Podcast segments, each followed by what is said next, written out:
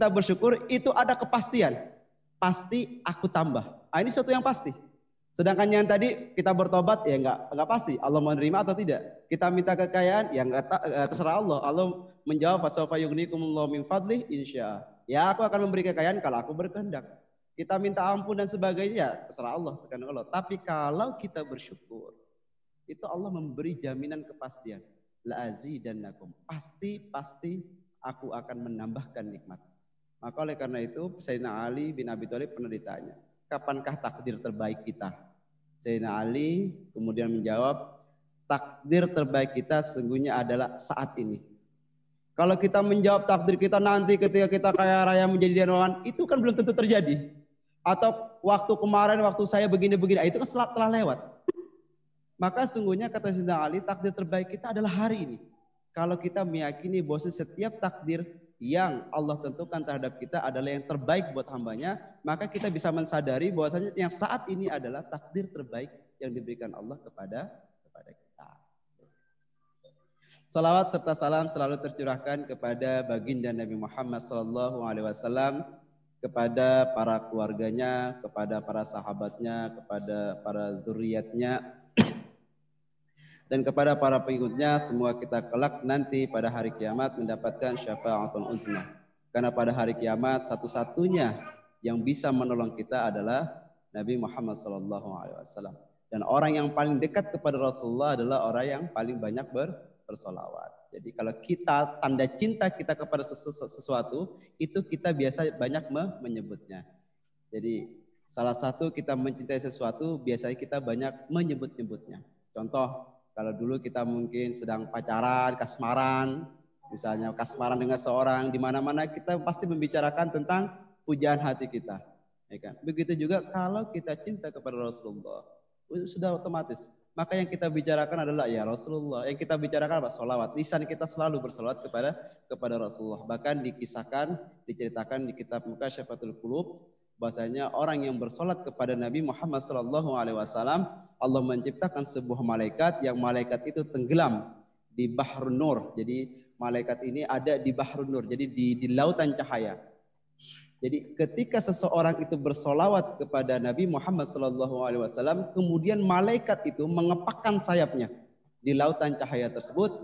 Nah, ketika mengepakkan apa namanya sayapnya itu di lautan cahaya, seperti kalau kita mengepakkan, kalau sayap mengepakkan dia pasti ada percikan-percikan. Begitu juga malaikat tersebut ketika ada seorang hamba yang bersolat kepada Rasulullah, maka dia akan mengepakkan sayapnya di lautan cahaya, kemudian akan ada percikan-percikan cahaya, yang percikan-percikan cahaya itu akan menjadi malaikat-malaikat lagi, yang malaikat-malaikat tersebut mem, apa, memohon kepada Allah ampunan kepada orang yang bersalawat tersebut sampai hari kiamat. Maka betapa indahnya salat. Berkah salat itu luar biasa berkah salawat itu luar luar biasa. Makanya kita harus mendawamkan kita istiqomahkan bersolat kepada kepada Rasulullah sebagai bukti cinta kita kepada Rasulullah selain kita mengikuti sunnah-sunnah. Baiklah hadirin jamaah kajian online rahimakumullah. Uh, sebelum kita memulai kajian kita pada malam hari ini, mari kita kirimkan uh, hadiah Fatihah kepada musonifnya. Mudah-mudahan kita mendapatkan keberkahan ilmunya. إلى أن صبر رسول الله صلى الله عليه وسلم الله يا والأخ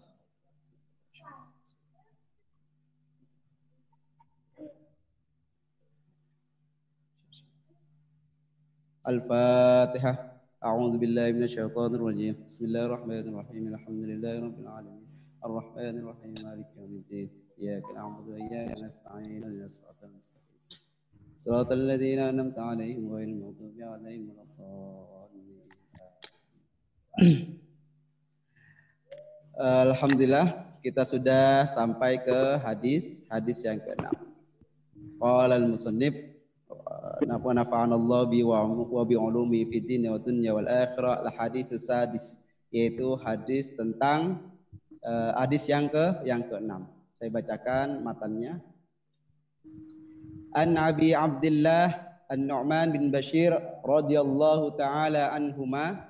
Jadi hadis ini dari Abi Abdullah yang bernama Nu'man bin Bashir radhiyallahu ta'ala radhiyallahu ta'ala anhuma. Semoga Allah meridhoi. Qala berkata, Sami'tu Rasulullah sallallahu alaihi wasallam yaqul, aku pernah mendengar Rasulullah sallallahu alaihi wasallam mengatakan, Innal halala bayyinun. Sesungguhnya yang halal itu sudah jelas. Sesungguhnya yang halal itu sudah sudah jelas.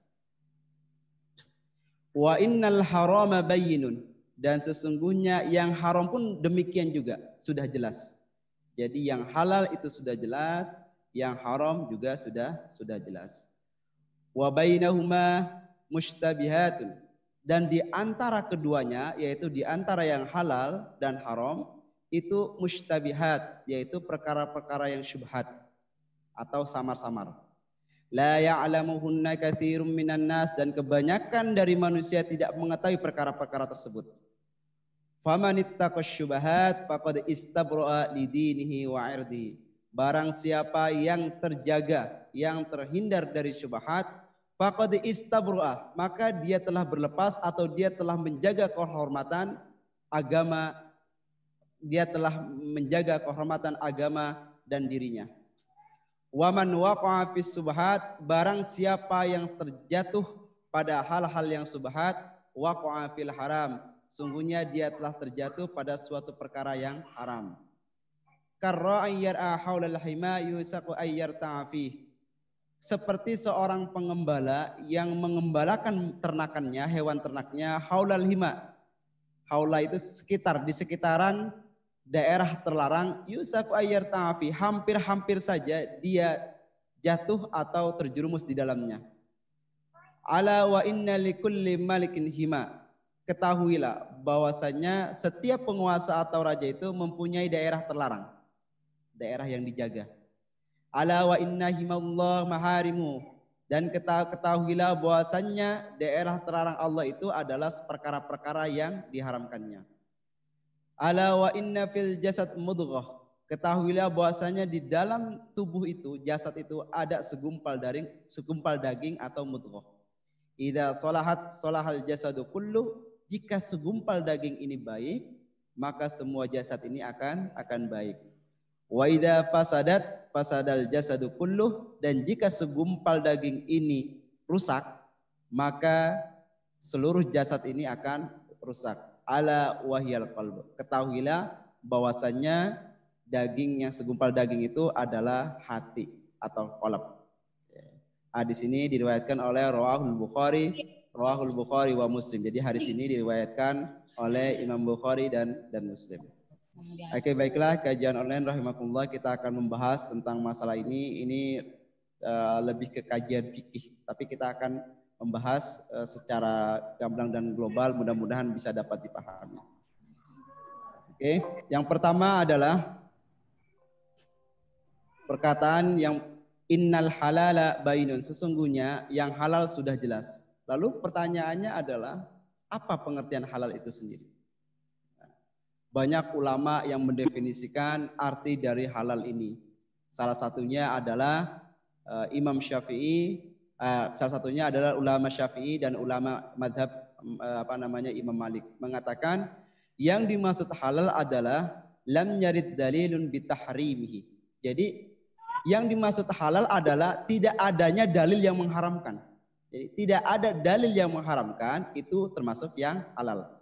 Jadi kalau ada sebuah perkara sebuah perkara kemudian tidak ada dalil dari Al-Qur'an maupun hadis yang mengharamkan, maka perkara tersebut termasuk sesuatu perkara yang halal. Lalu kemudian dalam eh, apa namanya Abu Hanifah ulama mengatakan yaitu Abu Hanifah annahuma warada dalilun bihalli. Yang dimaksud halal adalah ketika ada penjelasan ketika ada penjelasan di dalam Al-Qur'an dan hadis bahwasanya perkara tersebut memang halal. Nah, dan dijelaskan juga uh, ulama mengatakan yang dimaksud halal adalah aulam nyarid dalilun la bihalli wala bihurmati. Jadi yang dimaksud halal adalah di mana ketika tidak ada dalil yang menghalalkan ataupun tidak ada dalil yang mengharamkan. Jadi kalau ada sebuah perkara di mana tidak dijelaskan di dalam hadis ataupun di dalam Al-Qur'an tentang kehalalannya ataupun keharamannya, maka perkara ini bisa dimasukkan ke dalam sebuah perkara yang yang halal. Ah, ini pengertian yang halal. Jadi pengertian halal eh, hmm, kita apa namanya ulama berpendapat ada tiga. Yang pertama adalah yang dimaksud halal adalah apabila tidak ada dalil yang mengharamkan. Oke. Atau yang kedua, apabila ada dalil di dalam Al-Quran dan hadis yang menghalalkan. Contohnya apa? Misalnya oh, di dalam Al-Quran berbunyi wa ahallallahul baik. Sungguhnya Allah menghalalkan jual jual beli. Ah itu kan jelas di dalam Al-Quran. Ada nasnya, ada aturannya bahwasanya jual beli itu adalah halal karena memang ada dalilnya. Nah, kemudian yang ketiga, pengertian halal itu adalah lam nyarid dalilun la bihalli wa la bihormati. Jadi tidak ada dalil dari Al-Quran dan hadis yang menjelaskan bahwasanya perkara tersebut halal ataupun haram. Contoh, kasyur bil qahwah. Contoh di sini disebutkan di kitab Al-Jawahirul Uluyah yaitu kasyur bil qahwah, yaitu seperti minum kopi. Nah, minum kopi kalau kita lihat kopi itu kan tidak pernah tidak ada dalilnya. Dalilnya tidak ada. Di Al-Qur'an tidak ada dalil yang menghalalkannya, tetapi juga tidak ada dalil yang mengharamkannya. Oke. Kalau posisinya seperti ini, maka minum kopi termasuk perkara yang halal. Kenapa perkara yang halal? Karena memang tidak ada nas yang mengharamkan maupun menghalalkan. Jadi gitu ya. Jadi eh, perkara halal itu bisa dimasukkan dalam kategori kalau dalam hadis dan Al-Quran itu tidak ada aturan yang eh, menghalalkan ataupun yang mengharamkan. Maka perkara tersebut masuk ke dalam perkara yang yang halal. Kemudian di sini sebutkan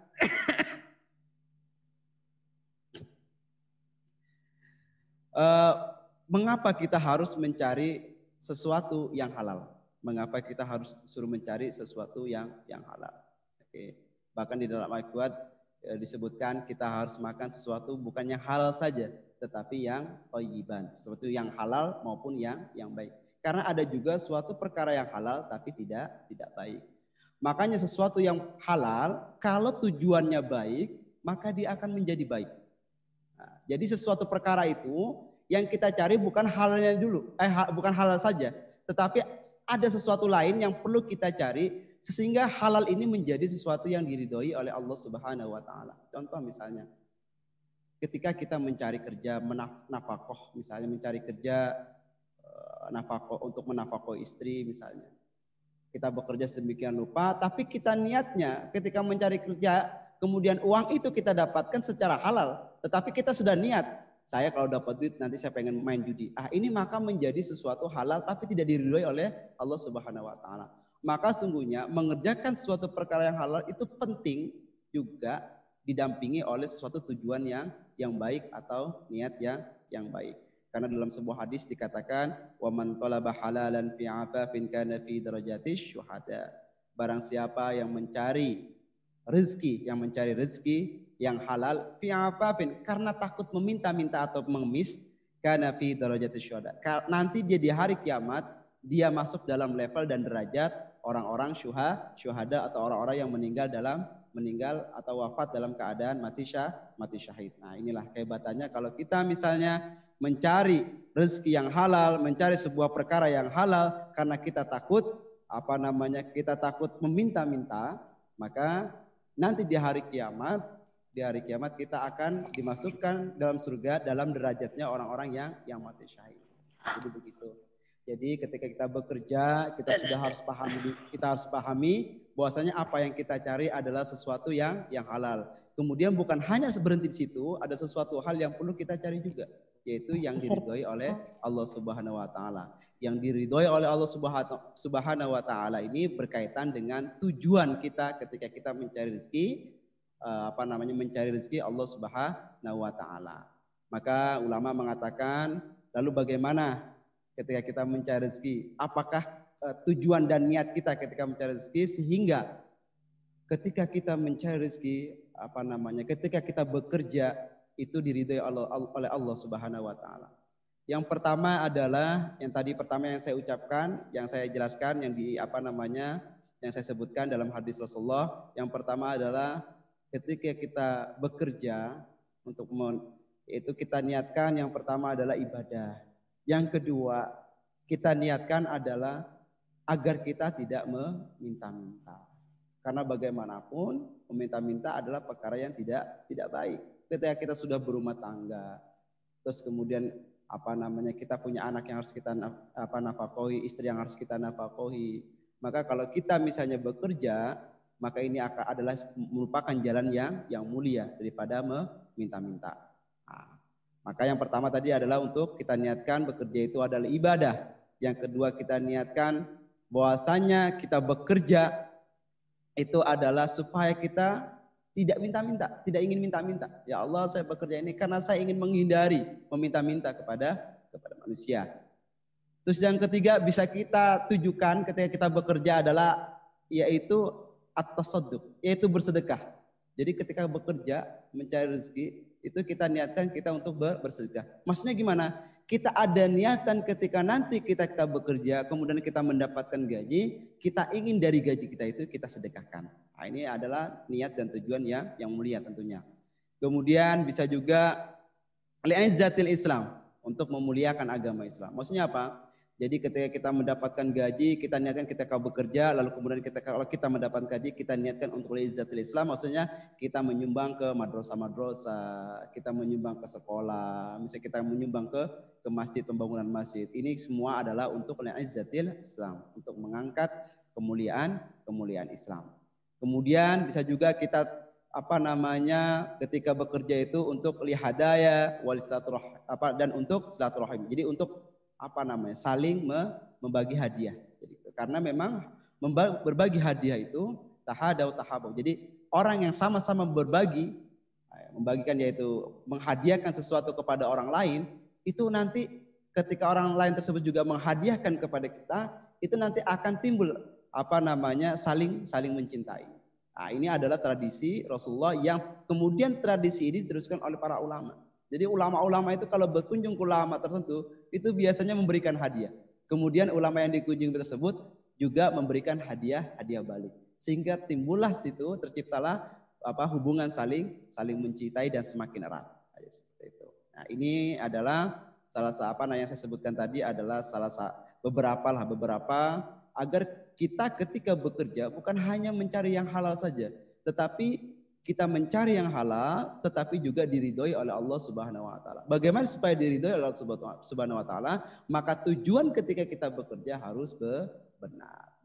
Bagaimana yang benar yang saya sebutkan tadi yaitu tidak ingin meminta-minta karena ingin nafkah istri dan keluarga, karena ingin bersedekah, karena ingin berbagi hadiah, karena li'izzatil Islam, karena ingin apa namanya untuk mengangkat kemuliaan Islam, kemudian untuk silaturahmi dan sebagainya. Nah, jadi seperti itu. Oke. Kemudian uh, matan selanjutnya mengatakan wa innal harama bayinun dan sesungguhnya yang haram juga sudah sudah jelas. Yang haram juga sudah sudah jelas. Tadi sudah dijelaskan apa pengertian halal, sekarang insya Allah saya akan menjelaskan tentang pengertian yang haram. Pengertian haram adalah wa wa wa ma mana min ta'ati dalilun ala uh, dalil uh, wa huwa ma mana min ta'ati dalilun. Jadi sesuatu yang haram adalah apa-apa atau perkara yang memang dilarang yang dilarang yang sudah ada ketentuannya di nas Al-Qur'an dan hadis. Jadi yang dimaksud pengertian haram adalah segala sesuatu yang dilarang yang itu ada dalilnya di dalam Al-Quran dan, dan hadis. Maka kalau ada dalil di dalam Al-Quran dan Sunnah yang melarang perbuatan sesuatu, maka itu bisa dikatakan sesuatu yang yang haram. Jadi mana amin ta'atihi dalilun. Jadi sesuatu apa-apa yang di dalam dalil itu, di dalam Al-Quran dan hadis itu dilarang. Oke. Kemudian juga disebutkan oleh ulama bahwasanya pengertian haram adalah mana sallallahu wa rasuluhu au ajma'al muslimin ala tahrimi yaitu apa-apa yang sudah dinaskan oke dinaskan diatur oleh Allah dan Rasulullah au ajma'al muslimun ala tahrimi atau kesepakatan orang-orang muslim kepada keharaman sebuah per perkara. Maksudnya gimana? Maksudnya adalah ketika ada nas dari Allah yaitu dari Al-Qur'an dan nas dari Rasulullah yaitu dari hadis ajma'al muslimin dan kesepakatan muslim itu ijma ulama bahwasanya hal tersebut adalah haram maka ini termasuk dalam pengertian perkara yang yang hal, yang haram. Lalu kemudian kenapa Allah melarang kita sesuatu yang haram? Maka sungguhnya kalau kita ingin tahu menangkap menangkap kenapa Allah mengharamkan ini, mengharamkan itu, mengharamkan ini, yang pertama yang harus kita yakini adalah yang pertama ya sudah kita menjauhi sesuatu yang sesuatu yang diharamkan oleh Allah ya memang karena kita patuh. Sudah cukup sampai situ. Kita patuh ini dilarang oleh Allah, maka saya akan menjauhi. Nah, tapi kemudian apa hikmahnya? Apa hikmahnya Allah mengharamkan sesuatu? Nah, hikmahnya adalah inna manasyari minu imma limafsadati fihi zahiratun. Jadi kalau Allah mengharamkan sebuah perkara, itu ada kemungkinan barangkali imma limafsadatin fihi zahirah. Karena ada kerusakan di dalamnya secara terang-terang, secara zahir. Jadi perkara tersebut secara dohir itu mengandung bisa merusak. Jadi secara dohir perkara tersebut bisa merusak. Oke. Jadi Allah mengharamkan sebuah perkara bisa jadi bisa jadi perkara tersebut secara dohir bisa merusak. Contohnya, contohnya kal muskirat seperti minum-minuman yang memabukkan. Minum-minuman yang memabukkan, misalnya minum khamr, narkoba dan sebagainya, itu secara dohir bisa merusak. Merusak apa? Merusak otak kita, merusak akal pikiran kita. Nah, kan? nah, sehingga apa namanya secara syariat itu di, dilarang. Gitu. Jadi salah satu hikmah kenapa Allah mengharamkan sesuatu yang pertama adalah secara zahir dia bisa merusak. Kemudian dijelaskan au khofiyah atau mungkin merusaknya secara tersembunyi. Kalau tadi minuman homer dan narkoba itu kan merusaknya secara dohir. Jadi otak kita yang rusak. Tapi bisa bisa jadi bisa jadi perkara tersebut diharamkan oleh Allah karena merusak secara secara khafiyah tersembunyi. Contohnya apa? Kazina seperti yang berzina. Kalau kita melihat orang berzina itu tidak ada yang rusak. Tidak ada yang tidak ada yang rusak. Apalagi mungkin sama-sama senang. Itu tidak ada yang rusak. Ya kan? Berbeda dengan minuman homer. Minuman homer terlihat sekali rusaknya, yaitu otaknya jadi hilang, ya kan? Jadi akalnya juga akan rusak otaknya. Nah, Beda dengan dengan zina. Zina tidak ada yang rusak. Misalnya, misalnya ada orang sudah berumah tangga, yang satu sudah berumah tangga, kemudian apa namanya istri yang satu suka dengan suami yang satu juga saling suka, akhirnya mereka berzina. Tidak ada yang rusak. Secara zahir tidak ada yang rusak, tetapi secara khofiyah, secara tersembunyi pasti ada yang yang rusak. Ya banyak-banyak.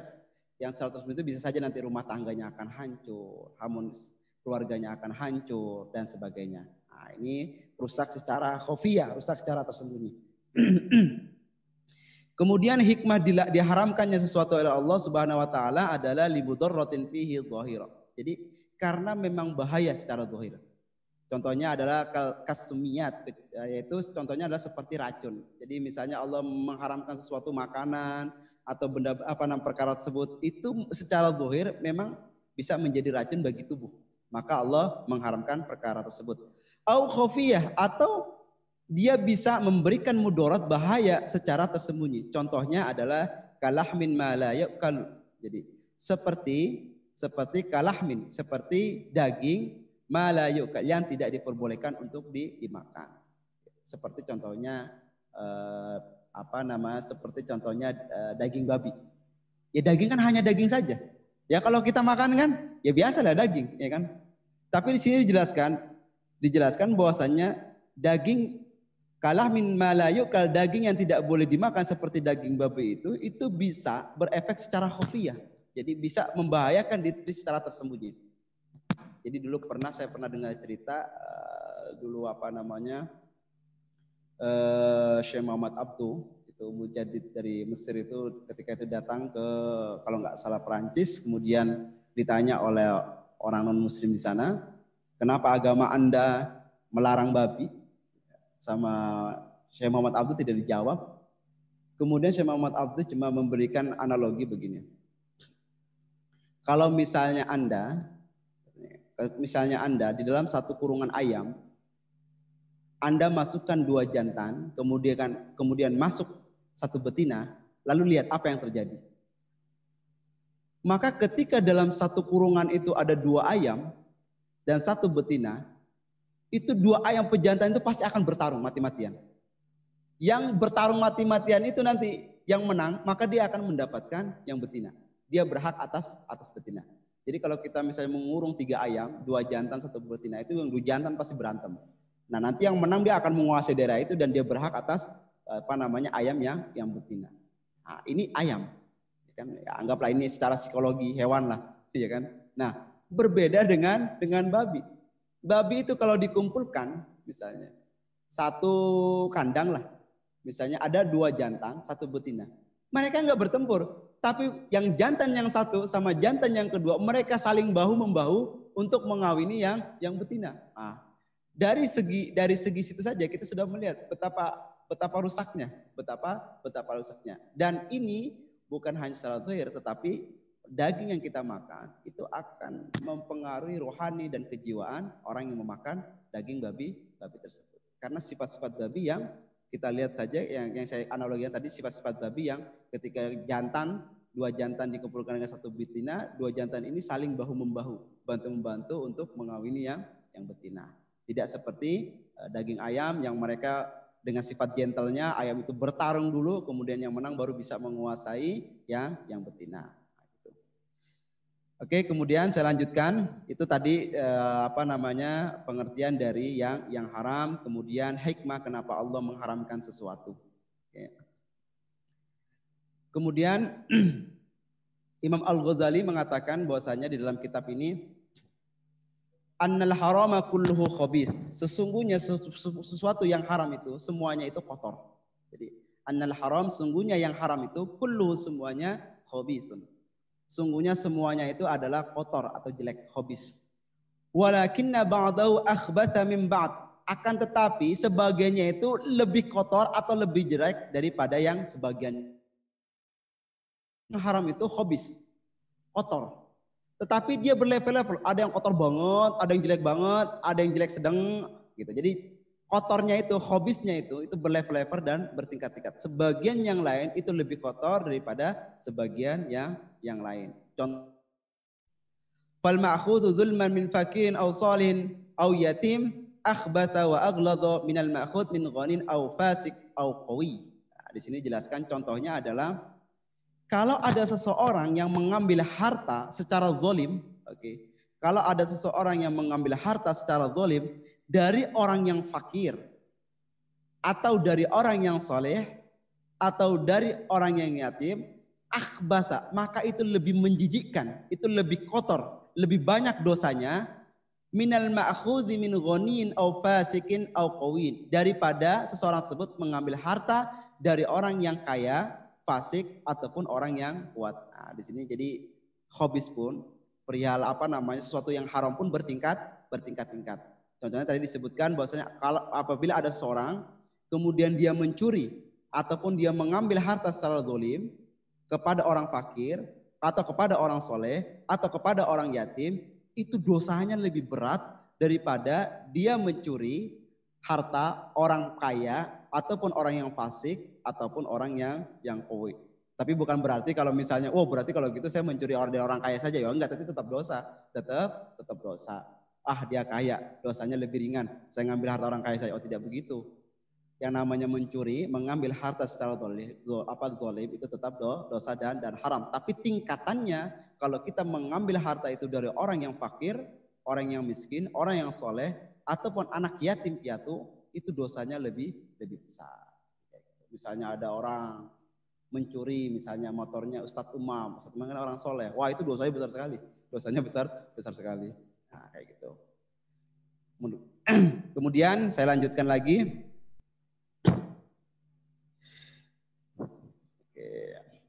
Wa bainahuma umurun mushtabihatun dan di antara kedua yang halal dan yang haram adalah perkara-perkara yang syubhat. Tadi innal halal bayinun sesuatu yang halal itu sudah jelas.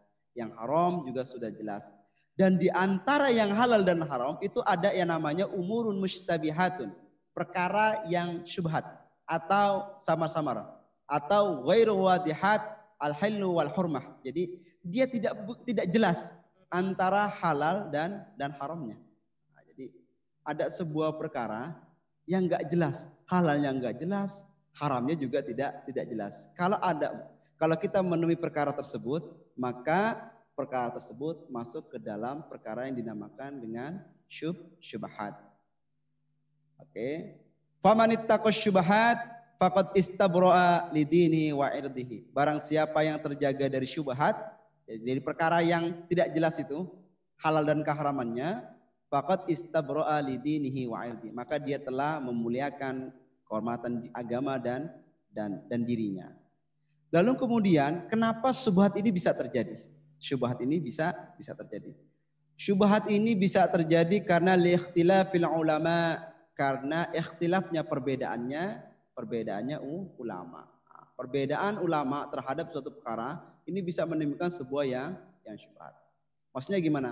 Maksudnya adalah misalnya ketika sebuah perkara ini tidak didalil tidak ada dalil yang sore, tidak ada dalil yang jelas di Al-Qur'an dan hadis, maka di situ akan ada diambil ada namanya apa namanya ijtihad. Di situ ada ruang ijtihad para ulama dengan kapasitas keilmuannya sehingga itu akan apa namanya uh, sehingga itu akan uh, ulama-ulama dengan kapasitas keilmuannya itu akan uh, beragam pendapat terhadap perkara-perkara tersebut. Jadi syubhat itu bisa terjadi karena ikhtilaf ulama karena banyaknya pendapat ulama tentang satu perkara tersebut.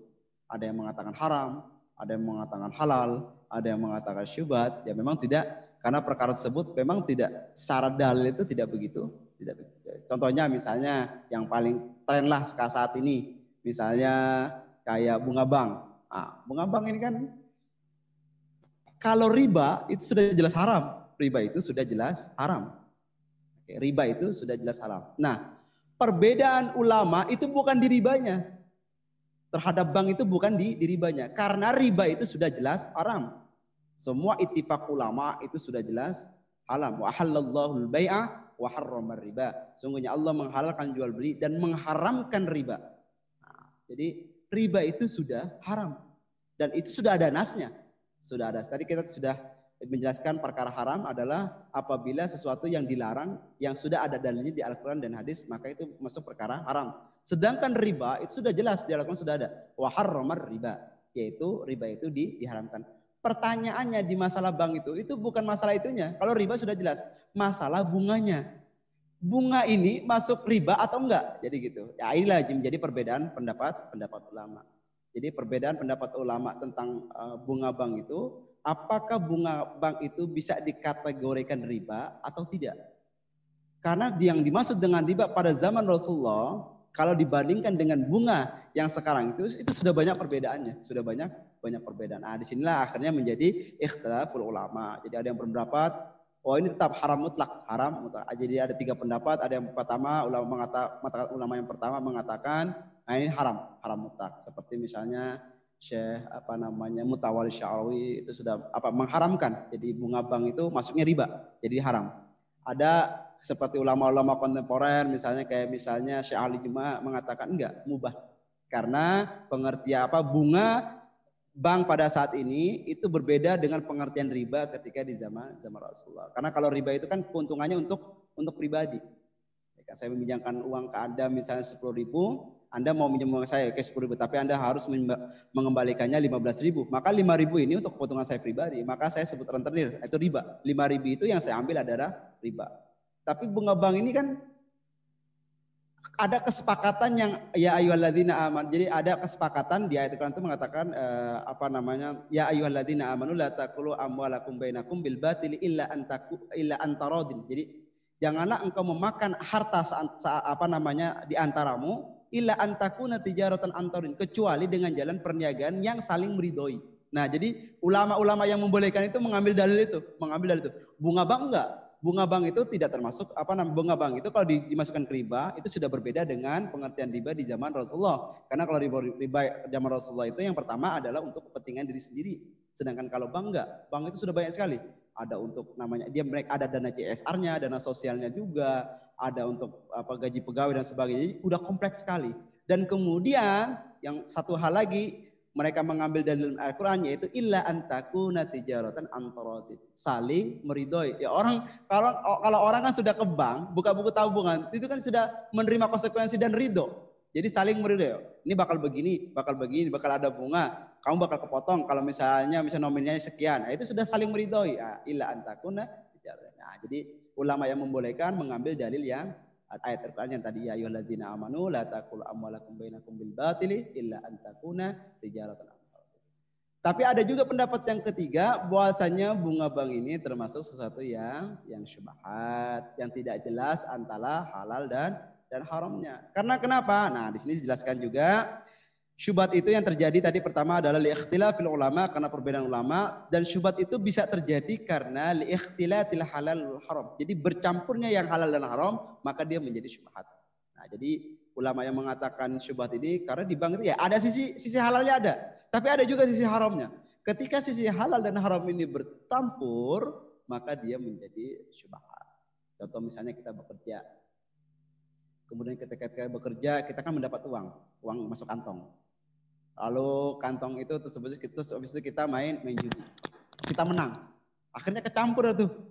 Yang tadi bekerja ya adalah dia dapatkan secara halal, kemudian satunya lagi dalam satu kantong itu dia dapatkan secara secara haram karena bermain judi. Ketika bercampur maka itu menjadi syub, syubhat. Menjadi syubhat. Lalu bagaimana? Nah, bagaimana kita menyikapi syubhat? Maka di sini jelas, jelaskan pamanit taqas syubhat faqad istabroa lidini wa Barang siapa yang sudah terjaga, terhindar dari syubhat, fakat istabrah, maka dia sudah apa ya, bisa melepaskan diri atau bisa menjaga kehormatan agama dan apa namanya dan dirinya. Nah, tapi kemudian di sini juga dijelaskan waman waqa'a fis syubhat waqa'a fil haram. Barang siapa yang terjatuh pada perkara syubhat waqa'a fil haram, maka dia juga bakal jatuh kepada perkara yang yang haram. Jadi karra'i yar'a haulal haulal hima uh, seperti seorang pengembala, seperti seorang pengembala yar'a haulal hima yang dia mengembalakan hewan ternakannya haulal hima di sekitaran daerah terlarang, ya kan?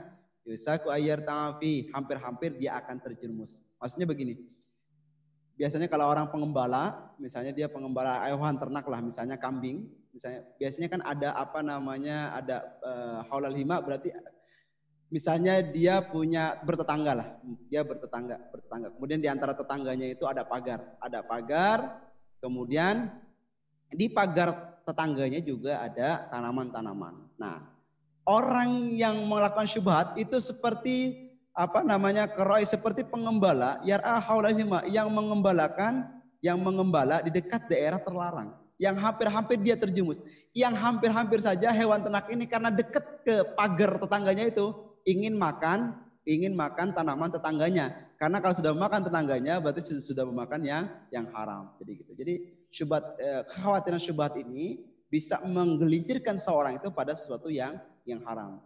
Makanya ulama-ulama yang soleh itu sesuatu yang syubhat biasanya di, dihindari karena ada kekhawatiran bakal jatuh ke, ke. Kemudian di sini disebutkan ala wa inna himallahi maharimu. Oke, enggak. Ala ala wa inna likulli malikin hima. Ketahuilah bahwasanya setiap penguasa dan raja itu hima. Jadi mempunyai apa namanya daerah terlarang, daerah penjagaan. Ala wa inna himallahi maharimu dan daerah terlarang bagi daerah terlarang Allah adalah suatu perkara yang diharamkannya. Jadi Allah itu mempunyai kalau diibaratkan tadi seperti yang namanya pengembala itu ada sesuatu ini kamu boleh, ini daerah terlarang kamu nggak boleh masukinnya. Jadi kayak gitu. Nah, daerah terlarang bagi daerah terlarang Allah itu bagi seorang hamba adalah sesuatu perkara yang diharamkannya. Sehingga kita tidak boleh mendekat-dekat ke daerah terlarang tersebut. Karena kalau kita mendekat ke daerah yang diharamkan oleh Allah, khawatir kita akan terjerumus dan jatuh pada satu yang yang haram. Kemudian disebut-sebutkan Wala inna fil jasad mudghah dan sungguhnya di dalam uh, jasad itu ada segumpal segumpal daging. Ida solahat solahal jasadu kulluh apabila jasad apabila segumpal daging ini baik solahal jasadu kulluh maka seluruh tubuh kita akan akan baik. Wa ida fasadat fasadat jasadu kulluh Jika segumpal daging ini rusak, maka akan rusak semua jasad jasadnya. Ala wahyal qalbi ketahuilah bahwasannya mudghah itu adalah hati. Nah, jadi di sini ulama ada yang mengatakan bahwasannya di sini jelaskan bahwasannya uh,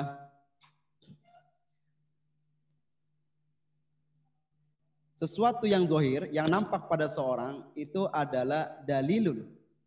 Jadi fasadul dohir dalilun ala fasadil batin. Jadi kerusakan dohir itu itu adalah dalilun ala fasadil batin. Menunjukkan bahwasanya fasadnya rusaknya batinnya atau hatinya. Nah, jadi hati ini sebenarnya adalah sentral di dalam manusia. Kalau manusia itu maksiat kepada Allah, itu berarti hatinya sedang sedang rusak.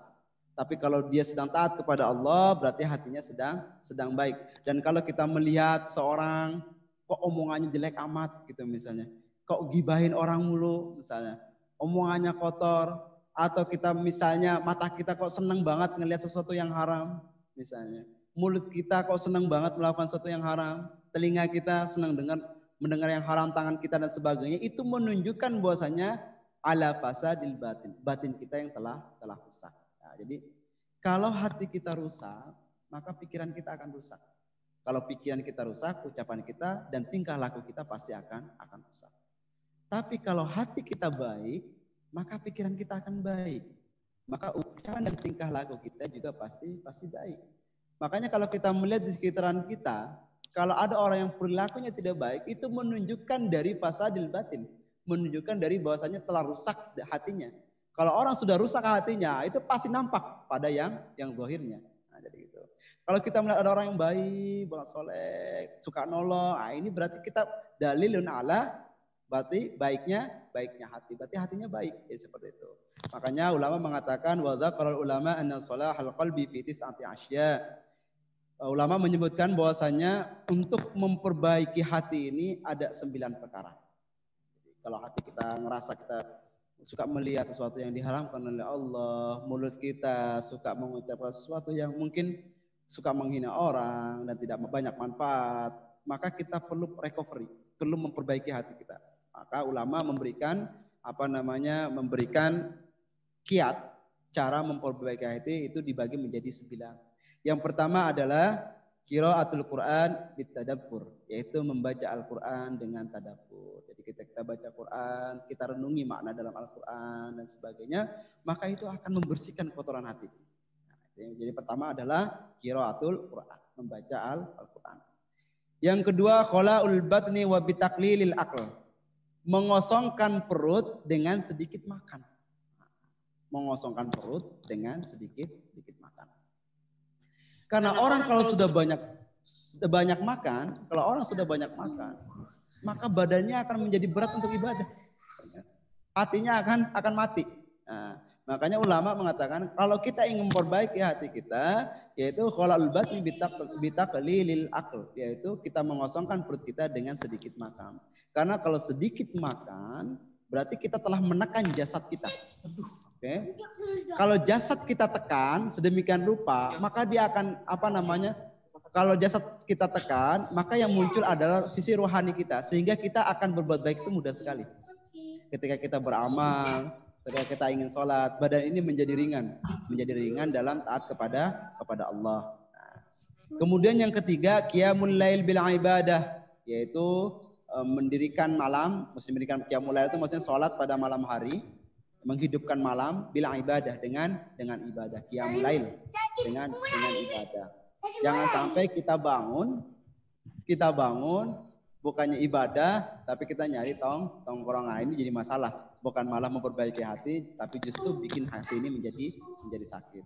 Qiyamul lail bila ibadah. Sampai-sampai kalau kita bangun di tengah malam kalau kita bangun di tengah malam, kemudian kita tidak diberi kemampuan atau kita males banget, kita males banget untuk sholat malam. Tapi kita apa namanya di apa namanya dikehendaki Allah untuk bangun itu sebenarnya adalah itu adalah sebenarnya tanda dari Allah untuk memberitahukan kepada hamba tersebut, ayo bangun, kamu minta apa aku beri. Akhirnya kita ter terbangun. Tapi kadang-kadang nafsu ini lebih nafsu ini lebih menguasai kita sehingga kita malas untuk untuk sholat malam. Nah, kalau memang posisi kita keadaan kita seperti itu, jangan membuang kesempatan kita untuk bangun malam. Ya kalau kita tidak malas banget memang untuk sholat malam ketika kita bangun tengah malam, ya udah berdoa saja kepada Allah. Ya Allah minta yang kita pengen minta, ya Allah ampuni dosa saya dan sebagainya. Ya kemudian tidur tidur lagi. Jadi seperti itu. Jadi jangan membuang kesempatan. Karena kesempatan bangun malam itu adalah kesempatan yang sangat mahal sekali. Itu Allah karena saking inginnya Allah apa namanya mendekat kepada kita sehingga kita dibangunkan di tengah malam. Ini mohon maaf ya, mungkin ada yang voice-nya harus dimatikan. Oke, kemudian selanjutnya untuk solahul kolbi, untuk memperbaiki hati kita, yaitu asumtu amma la ya'ni, yaitu diam. Jadi diam. Jadi kita tidak berbicara sesuatu yang tidak manfaat. Jadi asum tuh yaitu untuk memperbaiki hati adalah banyak diam. Ya kan? Tidak berbicara sesuatu yang tidak tidak manfaat. Ya kita berbicara berbicara tentang keilmuan, kita bicara berbicara yang menggembirakan orang, membahagiakan orang, yang menyenangkan orang itu enggak masalah. Tetapi kalau kita berbicara sesuatu yang bikin orang sakit, yang tidak bermanfaat, maka itu malah membuat hati kita semakin kotor dan dan sakit. Kemudian yang ketujuh adalah al-uzla an ahlil jahil. Jadi yang ketujuh untuk memperbaiki hati adalah kita menghindar, menyendiri dari orang-orang jahil. Kemudian saminuha yang kedelapan adalah tarkul haud tinas yaitu menghindari membicarakan kejelekan orang lain atau gibah. Karena kalau kita menggibai orang itu kita sudah memberikan penyakit di hati kita. Kemudian selanjutnya yang kesembilan yang terakhir adalah aklul halal yaitu memakan makanan yang halal. Jadi memakan makanan yang halal itu juga bisa mampu yang namanya memperbaiki hati kita menjadi menjadi baik. Guru saya pernah mengatakan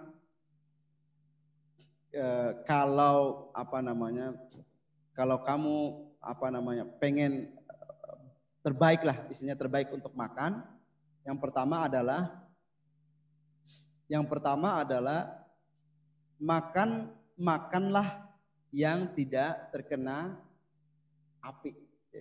Kata guru saya itu kalau hati ingin bersih, mudah untuk beribadah dan sebagainya, makanlah yang tidak terkena terkena api. Berarti makan apa yang tidak terkena api? Ya berarti buah-buahan, sayur-sayuran mentah, jadi seperti itu. Buah-buahan, sayuran-sayuran mentah. Kalau kamu tidak kuat makan yang tidak terkena api, paling tidak kamu makan yang tidak terkena minyak. Berarti apa? Makan rebus, rebusan, ya singkong rebus, kentang rebus, jagung rebus, kacang rebus. Jadi makan yang rebus-rebus. Nah, yang terakhir kata beliau, kalau keduanya kamu tidak mampu, pastikan saja mak pastikan saja apa yang kamu makan itu adalah halal. Jadi karena kalau kamu makan apa sesuatu yang haram, maka tubuh kamu layak jannah. Tubuh kamu tidak akan masuk ke surga wa ghudhiya bil haram. Jadi di sebuah hadis itu dikatakan tubuh yang memakan makanan haram itu layak jannah, tidak akan masuk ke surga. Jadi gitu. Jadi yang pertama, makan yang tidak terkena api, kalau tidak mampu, makan yang tidak terkena minyak, kalau tidak mampu, pastikan saja makanan itu halal. Cuma untuk memastikan yang halal kan bukan sesuatu yang mudah. Kita memastikan apa yang kita makan adalah halal itu bukan sesuatu yang mudah, bukan perkara yang mudah. Contoh misalnya, kita makan, ya di restoran, makan ayam. Apakah kita bisa memastikan ayam yang kita makan itu disembelih atas nama Allah? Kita kan nggak bisa memastikan. Nah, makanya ulama-ulama itu menghindari hal-hal seperti itu. Ulama-ulama itu menghindari hal seperti itu sehingga hatinya semakin bersih, semakin soleh. Seperti itu. Kita makan di pinggir jalan, misalnya kita makan kambing guling. Apakah kita bisa memastikan daging kambing itu itu disembelih atas nama Allah? Kita tidak bisa memastikan. Makanya ada ulama yang apa nama yang bernama Syekh Mukhtar Ad-Dasuki eh, Syekh Mukhtar itu mengatakan uh, beliau terkenal dengan sahibus samaha jadi terkenal dengan ulama yang toleran sekali. Beliau mengatakan kalau seandainya kamu makan di pinggir jalan atau makan daging yang kamu tidak tahu ini disembelih atas nama Allah, maka bacalah sebelum baca sebelum makan itu untuk membaca doa menyembelih. Jadi kita kalau kita makan misalnya makan daging di restoran, kita nggak tahu ini disembelih atas nama Allah atau tidak, maka sebelum makan untuk menghindari supaya menjadi halal, itu kita membaca doa untuk menyembelih. Jadi kita baca dulu Bismillahi Allahu Akbar, kemudian kita baca doa makan Bismillahirrahmanirrahim, Allahumma baik dan selanjutnya. Nah, itu untuk menghindari dan kehati-hatian. Jadi kalau setiap makan daging, kalau kita tidak tahu kepastiannya ini halal atau haram, disembelih atas nama Allah atau tidak, karena kayak ayam saja kan banyak sekali tuh. Ayam tuh kalau dari daerah tuh kan banyak sekali. Kalau dalam mobil bak itu kan pasti ada yang mati.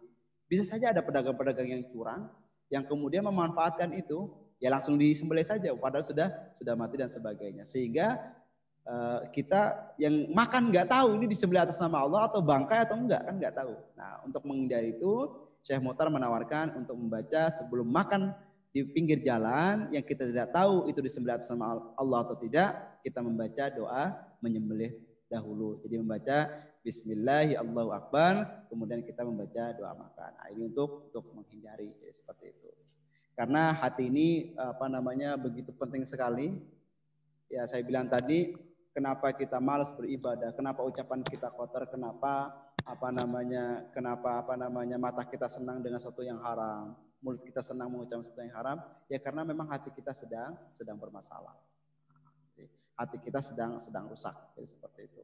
Nah, hati yang rusak ini penyebabnya salah satunya adalah kita suka pada perkara-perkara yang yang haram, makan makanan yang makanannya yang haram.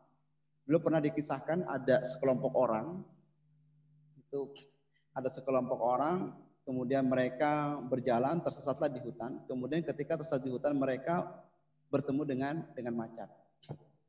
Kemudian ketika bertemu dengan macan, sahabat-sahabat yang orang pernah ketakutan, sekelompok orang ini ketakutan.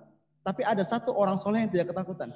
Dia kemudian mendekati macan tersebut, kemudian ketika mendekati macan tersebut, dia membisikkan sesuatu orang soleh tersebut, yang akhirnya macan ini mengangguk dan kemudian menjadi guide sekelompok orang yang tersesat di hutan ini.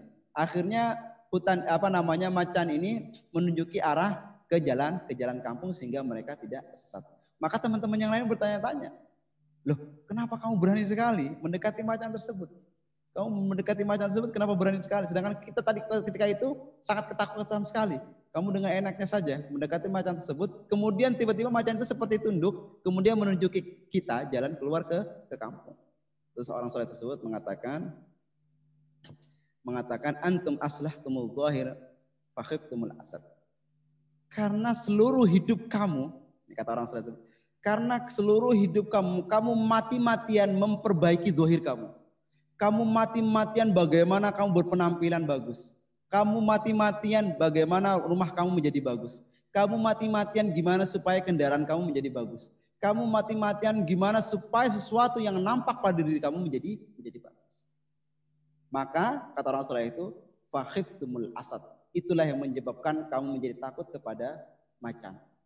Sedangkan aku katanya Nahnu aslahnal batin fakhafal asad.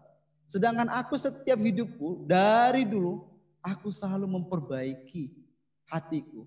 Gimana supaya hatiku baik, tidak kemasukan rasa kiber, sombong, tidak kemasukan rasa hasad, tidak kemasukan rasa iri. Aku selalu ridho dan tulus dan ikhlas. Aku selalu memperbaiki hatiku. Gara-gara aku memperbaiki dan menundukkan hatiku, memperbaiki hatiku dan menundukkan hawa nafsuku, maka fakhafal asad. Maka asad itu, macam itu pun akhirnya menjadi takut kepadaku. Ketika aku memperbaiki hatiku menjadi bersih dan menundukkan nafsu, maka Allah menundukkan alam semesta ini untukku. Ah, gitu kata orang soleh. Jadi kalau orang sudah bersih hatinya, bisa menundukkan dan mengontrol nafsunya, maka dia bisa menundukkan alam semesta ini. Ya, seperti itu. Sudah dekat kepada kepada Allah. Karena dalam sebuah hadis, kalau kalau seseorang itu sudah dekat menjadi walinya Allah, maka dia akan berbicara dengan perkataan Allah, dia akan mendengar dengan pendengaran Allah, dan dia akan melihat dengan penglihatan penglihatan Allah Subhanahu wa taala. Nah, ini hadis yang kita pelajari di hadis 6 ini.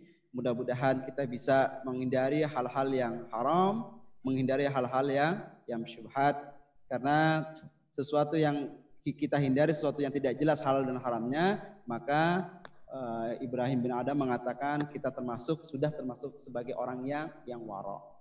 Jadi orang-orang yang waro itu adalah orang-orang yang mampu meninggalkan hal-hal perkara yang syubhat, perkara-perkara yang syubhat yang tidak jelas antara halal dan dan haramnya.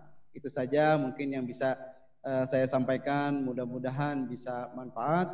Terima kasih. Assalamualaikum warahmatullahi wabarakatuh. Ya, Pak Roni. Pak Roni. Halo. Setuju, setuju. Ya. Sudah Pak Roni? Ya, ya. Ustaz, kedengeran nggak? Kedengeran, kedengeran, kedengeran. Ya, kedengeran. Oke. Okay. Oke, silakan Pak Roni kalau ada ingin yang bertanya, kalau saya bisa menjawab saya jawab. Kalau pertanyaannya susah saya tidak bisa menjawab, nanti saya lemparkan ke Ustadz Umam atau Ustadz Afif. Pak Roni? Tidak jelas Pak Roni? Pak Roni nggak jelas? Nggak terdengar? Halo Ustadz Isul, dengar nggak? Ya, ya dengar, dengar. Ustadz, Ustadz. Ya, ya. Dengar?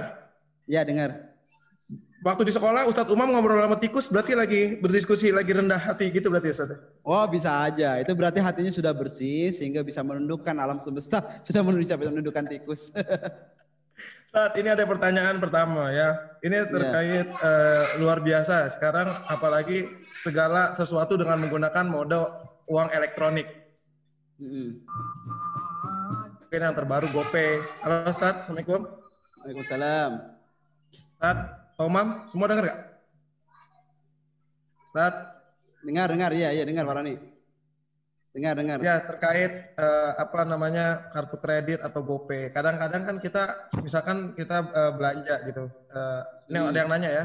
Belanja yeah. tiba-tiba mau bayar dengan uang cash, ada promo di kartu kredit. Apabila mau bayar dengan kartu kredit, ada potongan diskon. Hmm. Akhirnya hmm. kita ikutin promo tersebut. Sama seperti GoPay.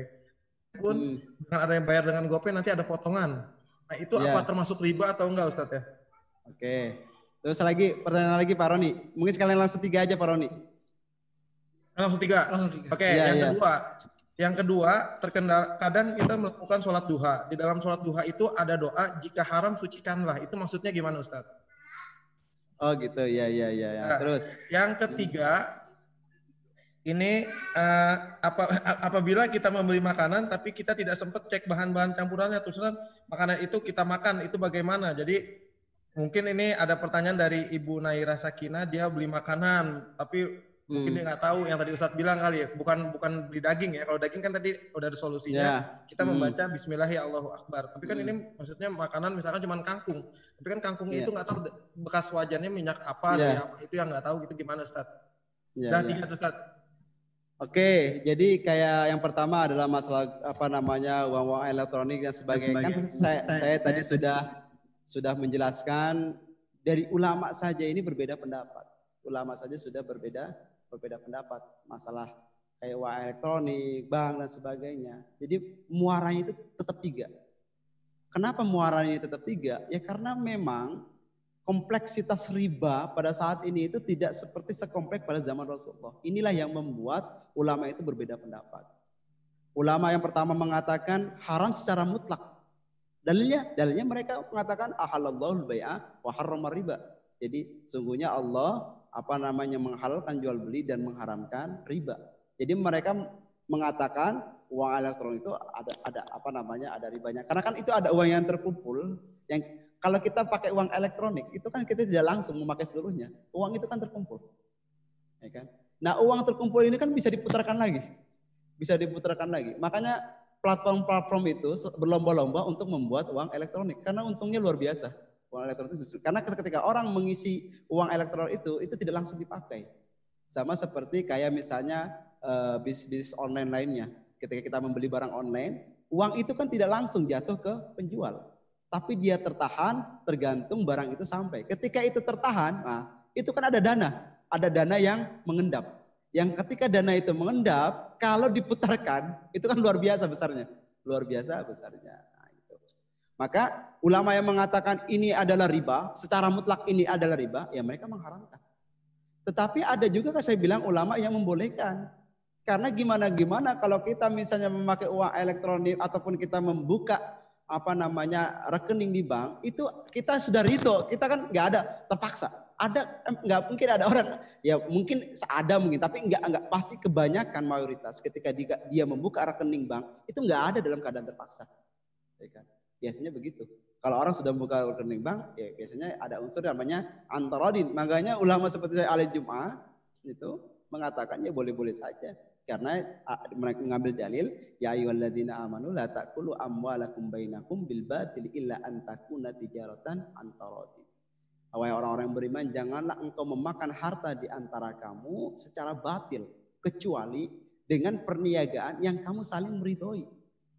Nah, ketika orang membuka rekening itu kan saling suka sama suka, tidak ada paksaan. Ya, pihak bank juga tidak memaksa nasabah untuk buka di situ.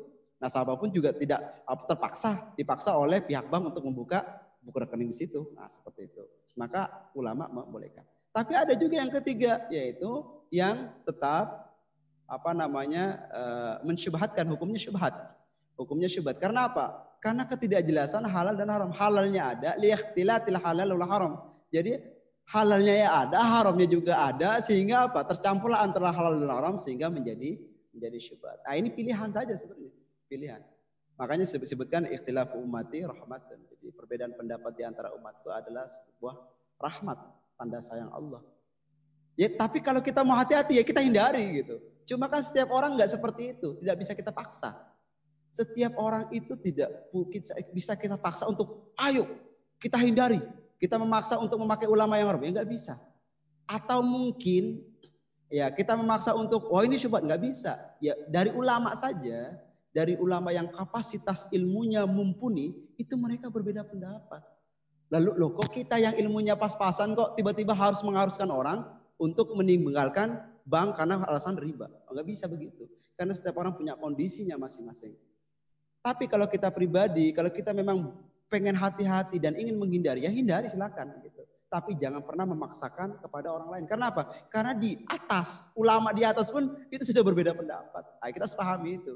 Jadi gitu. Jadi ulama yang ilmunya luar biasa itu saja sudah berbeda pendapat. Ya loh kita kok yang ilmunya pas-pasan kemudian memaksa orang. Nah, nggak bisa begitu. Sehingga apa yang terjadi? Ya sudah kita ambil saja yang kita misalnya kita bisa sesuai dengan kapasitas kesolehan kita. Karena masalah kayak gini kan tergantung kesalahan kita juga sebenarnya. Kita kesiapan kita juga. Ya. Makanya saya bilang perbedaan pendapat ulama itu benar-benar rahmat sebenarnya. Jadi jangan perlu kita memaksakan satu yang lainnya karena ulama saja sudah berbeda pendapat. Tugas kita hanya yang mana kita mau yang mana, mau yang hati-hati atau pada sesuatu kondisi yang kita, aduh seperti saya tidak bisa ini menghindari ini. Ya sudah kita ngambil ulama yang mungkin tengah-tengah yang membolehkan. Ya, itu terserah. Ya, itu terserah.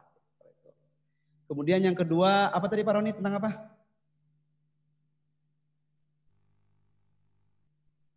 Apabila haram sucikanlah. Oh iya, gini, apabila haram sucikanlah. Jadi di, di apa wa in kana haraman fatahiru. Ya Allah, jika rezekiku ada yang haram, eh, bersihkanlah. Gini. Ada di kita itu, di antara kita itu kadang-kadang kita tidak paham karena kekurangnya keilmuan kita, karena kekurangan ilmuwan kita, sehingga kita tidak paham bahwasanya harta yang kita makan itu adalah haram. Jadi, jadi ada kondisi di mana seseorang itu karena kekurangan keilmuannya, karena kebodohannya, dia tidak mengetahui bahwa sesuatu yang dia makan itu adalah sesuatu yang yang haram. Harta yang dia makan itu adalah harta yang haram. Maka fungsi dari sholat dua itu adalah gitu. Loh bagaimana? Saya memakan sesuatu yang haram, saya makan sesuatu yang haram, sedangkan saya tidak tahu, saya benar-benar tidak tahu kalau itu haram. Maka di dalam syariat, sesuatu yang kita tidak ketahui itu kemudian dimaafkan sesuatu di dalam syariat sesuatu yang kita tidak ketahui maka hmm. itu di, dimaafkan. Secara syariat memang dimaafkan, tetapi secara jiwa, secara rohani itu akan berpengaruh. Nah, kalau kita makan makanan harta yang kita makan itu haram dan kita tidak tahu kalau itu haram, maka secara syariat yang pertama itu dimaafkan. Tetapi itu tetap pengaruh terhadap kejiwaan dan kerohani kita. Itulah mengapa ada di apa di sholat duha wa ingkana muharraman jika haram ya Allah tolong bersihkan. Memang enggak enggak jatuh pada sesuatu yang dosa karena kita tidak tahu, tapi itu pengaruh kepada jiwa kita, rohani kita. Pengaruhnya apa? Ya banyak. Tiba-tiba kok kita kok jadi marah-marah mulu, tiba-tiba kok kita malas ibadah, kok bawanya malas gitu. Nah, itu jadi gitu. Pengaruh itu seperti itu maksud saya. Do, jatuh ke dosa tidak tidak jatuh ke dosa karena kita tidak tahu, ya kan? Karena kita tahu itu adalah statusnya hukumnya haram, tetapi pengaruh dan efeknya tetap ada kepada ke kejiwaan dan rohani kita. Sehingga kita di dalam sholat duha itu di apa namanya e, dianjurkan untuk membaca doa itu wa nama haram ya Allah jika hartaku ini haram tolong bersihkanlah. Nah, karena itu ada kalau kalau kalau kan berarti ada unsur ketidaktahuan kita. Ini jangan-jangan harta saya ini ada yang haram. Fatahir ya Allah maka sucikanlah. Sehingga itu tidak pengaruh kepada rohani rohani kita. Gitu Pak Roni. Kemudian yang terakhir apa tadi Eh, masalah itu makan kalau bukan daging kalau daging kan baca Bismillahi Allahu Akbar. Tapi kalau ini makanan yang kita bukan bernyawa lah. Itu bagaimana? Tiba-tiba ada minyaknya bekasnya kita kan nggak tahu. Misalkan beli sayuran nah oseng-oseng. pertanyaan itu sebenarnya sudah bisa kita tanya dalam jiwa kita. Kita bisa nanyakan ke hati kita. Kalau kita ragu terhadap sesuatu ini gimana ya minyak ini, oh, itu sudah jatuh ke syubhat namanya jadi kalau kita makan, terus kita sudah ragu, ini oh itu sudah pasti jatuh ke syubhat. Kalau kita bilang haram, ternyata itu enggak haram, kita sudah sudon. Iya kan? Kalau kita halal, kita nggak bisa memastikan itu halal atau tidak. Sehingga kita timbullah jiwa kita itu ragu. Maka kalau ragu, itu jatuh sudah syubhat. Maka kalau itu syubhat, kita tidak tahu halal dan haramnya, ulama dan Rasulullah dalam hadis ini sebisa mungkin kita menghindari gitu Pak Roni. Karena gimana-gimana kalau paman waqafi subhat, kalau kita jatuh pada sesuatu yang subhat, takut nanti kita jatuh kepada yang haram. Ternyata itu haram kan takut gitu. Lebih baik kan di, dihindari. Jadi gitu. Jadi jadi apa namanya jelas ya. Jadi kita bisa tanyakan kalau kita sudah ragu, maka ulama mengatakan bukan ulama ini, ini hadis ini hadis ini Rasulullah mengatakan ya sudah hindarkan saja. Karena kalau kita sudah sudah ragu berarti kan sudah tidak jelas nih antara halal dan dan haram. Nah, gitu Pak Roni. Oke, alhamdulillah wa syukurillah. Terima kasih Ustadz Ijul ya. atas penjelasannya semuanya. Ini alhamdulillah partisipan yang melalui Zoom cuma 14 tapi orang yang lagi makan-makan tuh banyak Ustadz Ijul ternyata tuh. Habis acara kayaknya di Parung ya. Luar biasa oh, gitu. ini Parung Assalamualaikum warga Parung semuanya ya. Ustadz Ijul sampai nggak diundang acara itu ya. Demi kajian online Ustadz Ijul nggak diundang di acara itu ya Allah. Tolong Pak Mujib, Pak Anwari, tolong salam dari saya ya buat semuanya. Mana kita tutup kegiatan hari ini dengan kegiatan ini dengan doa bersama yang akan dipimpin oleh Al Ustadz Khotibul Umam kepada Ustadz Khotibul Umam disilakan.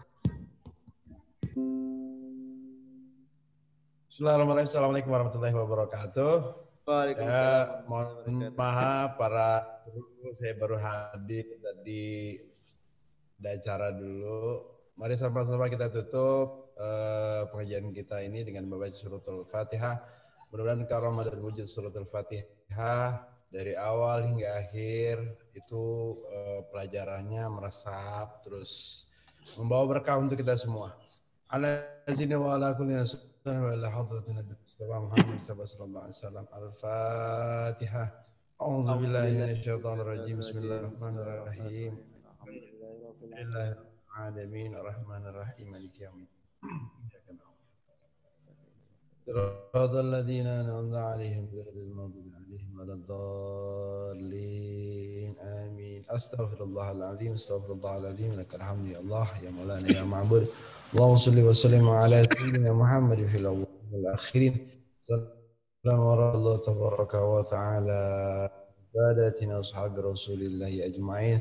حسبنا الله نعم الوكيل. حسبنا الله نعم الوكيل. حسبنا الله نعم الوكيل. نعم المولى. نعم النصير. ولا حول ولا قوة إلا بالله العلي العظيم. اللهم إنا نسألك موجبات رحمتك وعزائم مغفرتك. والغنيمة من كل بر والسلامة من كل إثم. لا تدع لنا ذنبا إلا غفرت ولا هما إلا فرجت ولا مرضا إلا شفيت ولا حاجة من حوائج الدنيا والآخرة إلا قضيتها ويسرتها يا أرحم الراحمين.